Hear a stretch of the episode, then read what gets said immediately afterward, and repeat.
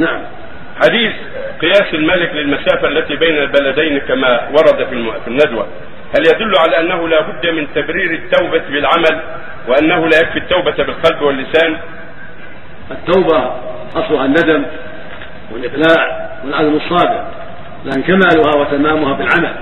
إلا من تاب وآمن وعمل عملا صالحا فكمالها وتمامها بالعمل. فإذا ندم وعزم على أن لا يعود وأقلع من الذنوب وهي الذنب. فإذا بقي على حاله ولم يعمل الصالحات ولم يؤدي الواجبات جاءت ذنوب كثيرة. جاءت ذنوب من جديد.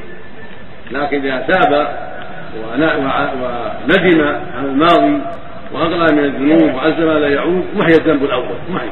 ثم ينظر بعد ذلك.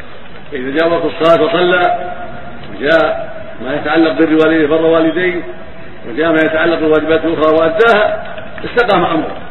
فإذا لم يفعل ذلك بل أتى بمعاصي جديدة فعليه معاصي جديدة إن شاء الله.